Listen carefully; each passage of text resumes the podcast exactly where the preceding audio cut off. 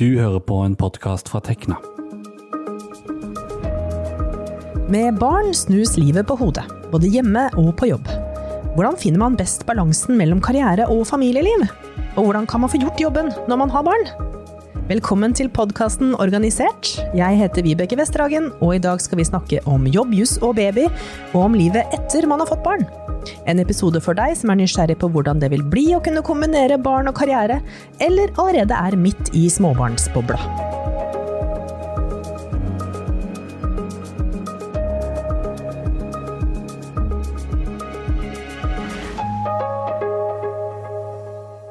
Dette er den tredje og siste episoden der vi skal snakke om jobb og barn, og i dag skal vi ta for oss den første tida som småbarnsforeldre.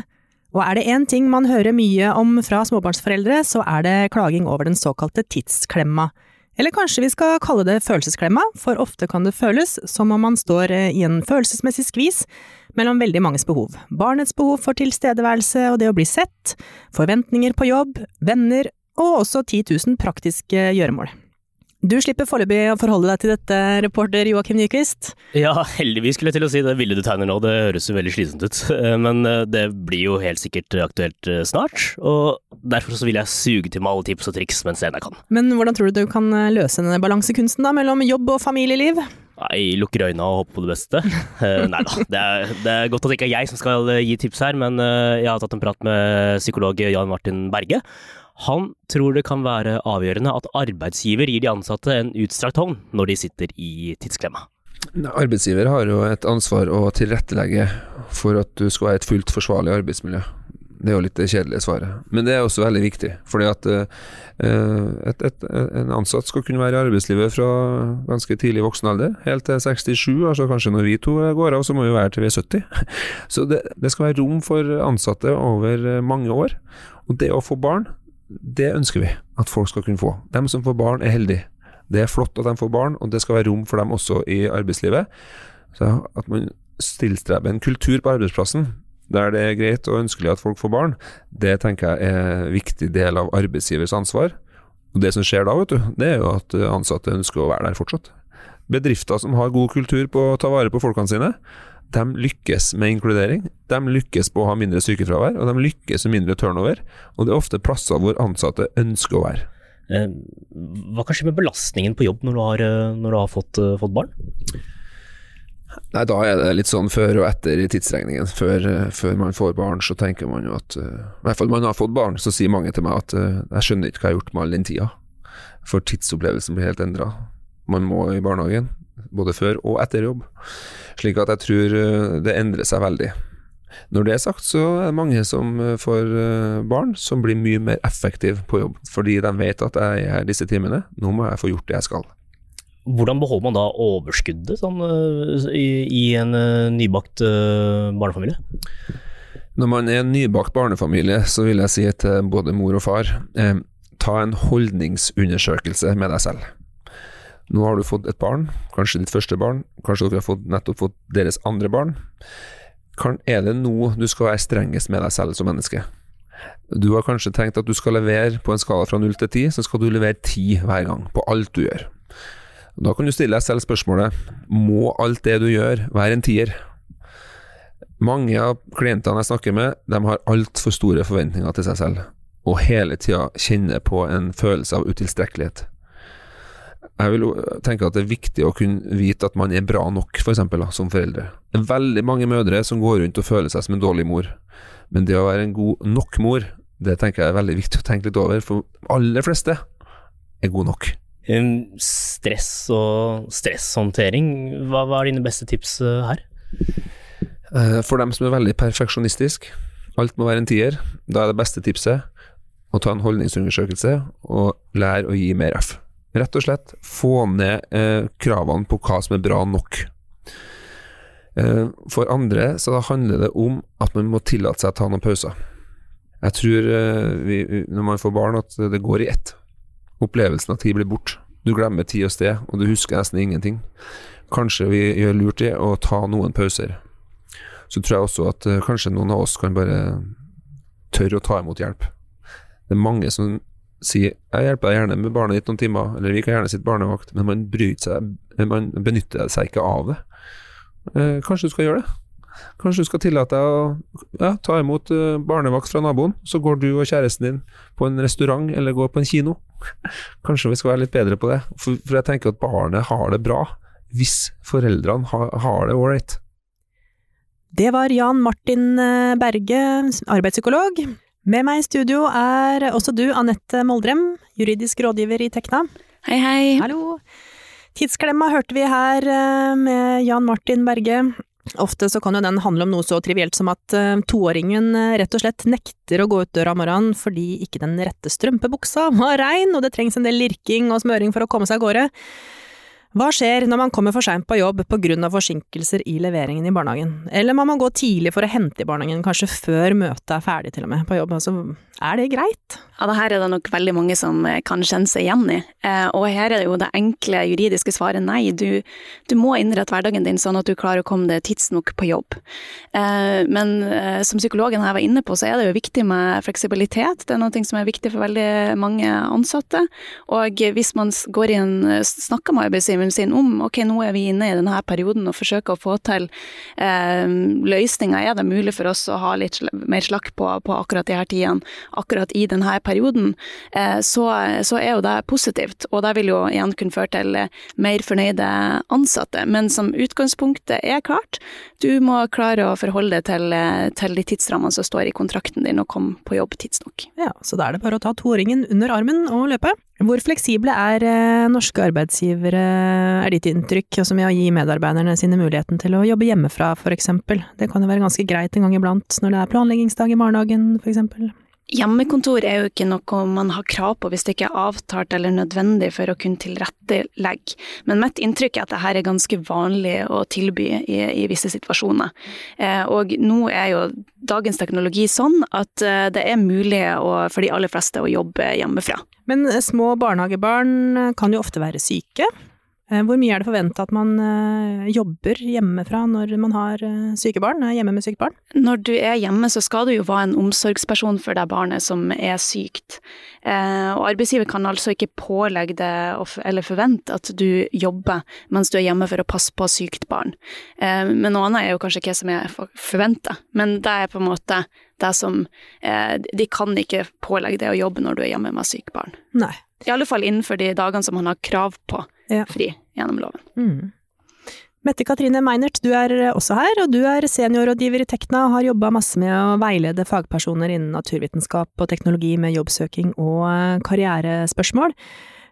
Jeg lurer på, hvilke karrierespørsmål er det vanlig at du får eh, fra personer som er tilbake på jobb eh, etter foreldrepermisjon? Altså, mange av de som tar kontakt med Tekna karriere, de eh, tar jo kontakt fordi de kanskje ønsker å skifte jobb, eller har et nytt syn på ambisjonene sine. Mange lurer faktisk på hvor åpne og ærlige de skal være uh, på fravær um, grunnet sykdom, for eksempel, eller forlenget permisjon, og om de skal sette opp permisjonen som et eget punkt på CV-en sin. Og det uh, mener jeg at de ikke trenger å gjøre. Dersom de har fravær eller eh, permisjon utover den ordinære, så bør du være forberedt på å kunne forklare det i et, eh, et intervju, i alle fall. Ja, Så det vil ikke bli oppfattet som liksom hull i CV-en? Ikke hvis du har ordinær permisjon, men hvis eh, du har hatt et ekstra år, så stiller det seg litt annerledes, og da tenker jeg da må man se an situasjonen litt. Grann om man setter opp på CV-en. Um, andre har kanskje ambisjoner uh, på egen arbeidsplass, ønsker litt andre typer oppgaver, større utfordringer.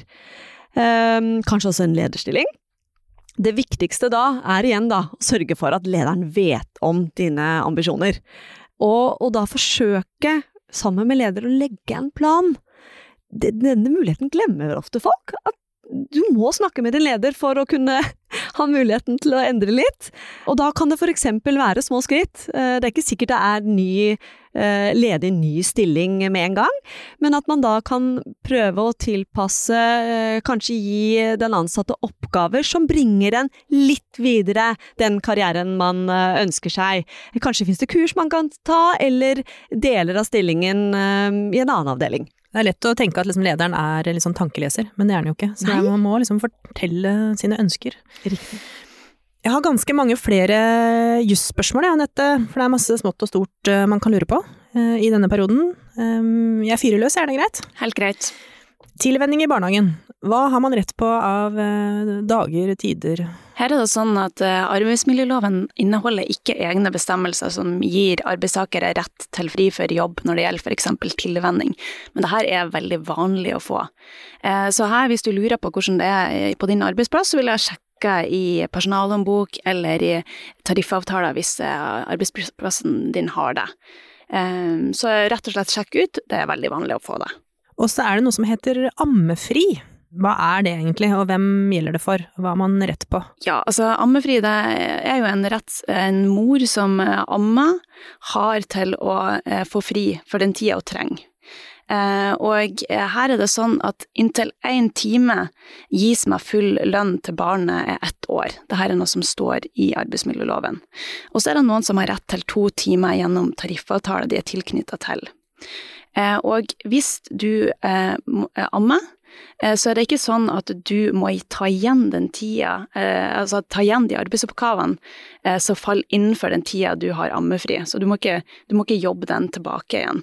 Men jeg tenker jo igjen, som vi har vært inne på veldig mange ganger, at her er det viktig å ha en dialog med arbeidsgiver.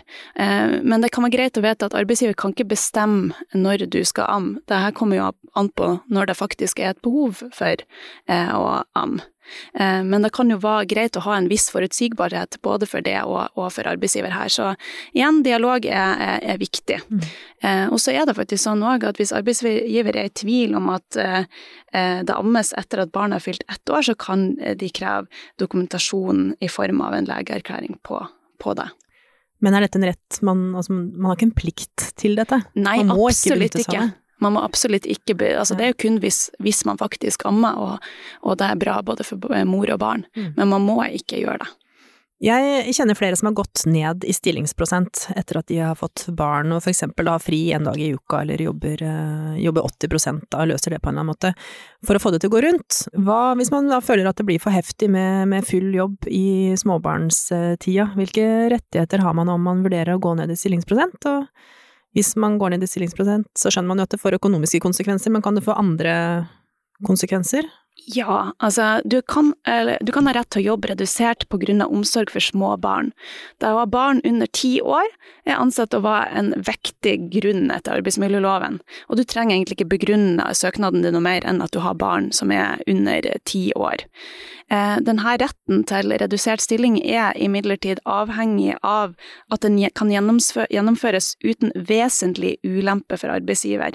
At det må være en vesentlig ulempe tilsier at det skal en del til for at arbeidsgiver skal kunne sette seg imot det her. Hva er en vesentlig ulempe, har du et eksempel på det? Um, altså, eh, det som, det som, er greia er jo at det er jo ikke nok for en arbeidsgiver å si at å, men det er jo veldig vanskelig for oss å få tak i en uh, vikar, eller at vi må gjøre litt om på arbeidsstokken det er ikke eh, nok til å være en vesentlig ulempe. Det må, være, det må på en måte være vektige grunner som må vurderes konkret i hvert eneste tilfelle. Og hvis, man, eh, hvis den ansatte og arbeidsgiver ikke blir enige om, om det her, hvis arbeidsgiver, sier nei, du, du kan ikke få eh, redusert stilling, så er det her noen ting som man kan ta videre til tvisteløsningsnemnda. Og hvis man får en sånn type sak og, og, trenger hjelp, så kan man jo selvfølgelig ta kontakt med eh, oss i Tekna.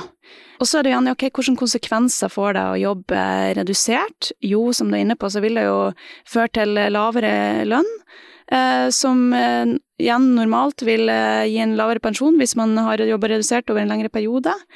Eh, og vil òg gi et lavere lønnsgrunnlag ved eventuell sykdom, hvis, eller hvis, og hvis man mister jobben. Eh, så hvis man er et par der man vurderer at en skal jobbe redusert, så bør man jo snakke sammen om, om, om det. Mette, du hadde lyst til å skyte inn noe der? Ja, det er, det er, viktig å være oppmerksom på at mange havner i skvis når de går ned i f.eks. 80 stilling, da. Um, at de risikerer å måtte gjøre den akkurat samme, eller ha samme arbeidsmengde. Så det kan være lurt å en, gjøre en avsjekk med leder og få fritak for noen oppgaver, og avtale dette på ja, forhånd. Det er jo kjedelig hvis man skal gjøre 100% jobb i 80% stilling. Litt dumt. Det høres ikke så lurt ut. Jeg tenker at hvis man skal gå ned i redusert stilling, så er det viktig å lage en skriftlig avtale med arbeidsgiver om det. Der der blant annet står noen ting om hvor lenge, hvor mye, og hvordan man skal gjøre det. Akkurat som Mette er inne på, hvordan skal man sikre at man ikke i realiteten setter meg i 100% stilling når man jobber 80 mm. Og så lurer jeg på, har, hvis man er alenemamma eller alenepappa, eller kanskje man skulle kalt dem for enestående mamma og enestående pappa, ganske imponert over de som, som klarer det. Har de noen ekstra rettigheter? Her finnes det flere støtteordninger. Eh, blant annet så vil man jo ha krav på ekstra dager hjemme ved sykt barn. Eh, man kan ha rett til utvidet barnetrygd, eh, stønad til barnetilsyn. Her er det rett og slett noen ting som Altså her må man finne ut av hvilke muligheter man har, og her har Nav en opplysninger om det.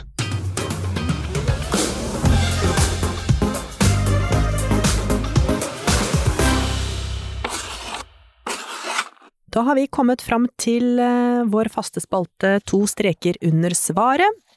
Og um, der tar vi imot lyttespørsmål, da, så hvis du som lytter har spørsmål, så er du velkommen til uh, å sende oss et spørsmål på podkast. Og spørsmålet bør handle da om lover og regler i arbeidslivet, og det er Anette som skal få lov til å svare på lyttespørsmål i dag. Og i dag så er spørsmålet av en litt, litt sånn alvorlig karakter. Det lyder som følger. Jeg tror jeg står midt oppi en intern sak på jobben der jeg tror jeg bør varsle. Hvordan varsler jeg arbeidsgiver, for jeg kan ikke finne noe informasjon om dette internt? Ja, eh, her er det sånn at hovedregelen er at alle bedrifter skal ha interne varslingsrutiner om hvordan man går fram ved varsling. Men hva er egentlig varsling, liksom? Hvilke saker eh, dreier det seg om da? Altså, da må det jo være snakk om at, eh, at det har skjedd noe kritikkverdig på jobben. Ja, Som kan få litt store konsekvenser? Det får store liksom. konsekvenser. Så her vil jeg ha gått til tillitsvalgt eller verneombud og bedt om informasjon om hvor kan jeg finne de interne varslingsrutinene. Fordi det er et krav i loven at ei varsling må eh, være forsvarlig, altså at det må varsles på en forsvarlig måte. Og hvis man følger de rutinene som arbeidsplassen har, så kan man være sikker på at det er forsvarlig varsling. Ja, for det man kanskje er redd for er jo at det skal få konsekvenser for en sjøl at man forteller om noe, ikke sant? Ja, etter loven der så har man jo et, et vern mot gjengjeldelse, at man skal bli utsatt for negative konsekvenser av varslinga. Men det kan jo være greit å snakke med noen kollegaer, altså hvis man lurer på ok, er det her noen ting som, som eh, jeg bør, skal varsle, varsle om, snakk med noen eh, kollegaer, tillitsvalgt, eh, om, om det i forkant. Men det vanligste er jo at man går vanlig tjenestevei, altså at man varsler først til nærmeste leder. Men sjekk rutinene og finn ut av hvordan det er på din arbeidsplass. Det var det vi hadde i denne lille triologien om jobb, juss og baby. Vi håper det har vært nyttig for deg og gitt deg praktisk informasjon som du kan bruke. Og del gjerne med, med, venner som er i samme situasjon som deg. Har du lyst til å komme med tilbakemelding til oss, så setter vi stor pris på at du gir lyd via en e-post. Du må gjerne sende en lydfil hvis du vil det, og det gjør du til podkast.krøllalfatekna.no. Tusen takk for at du hørte på.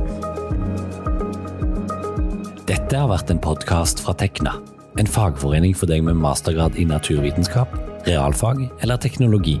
Les mer om oss på tekna.no.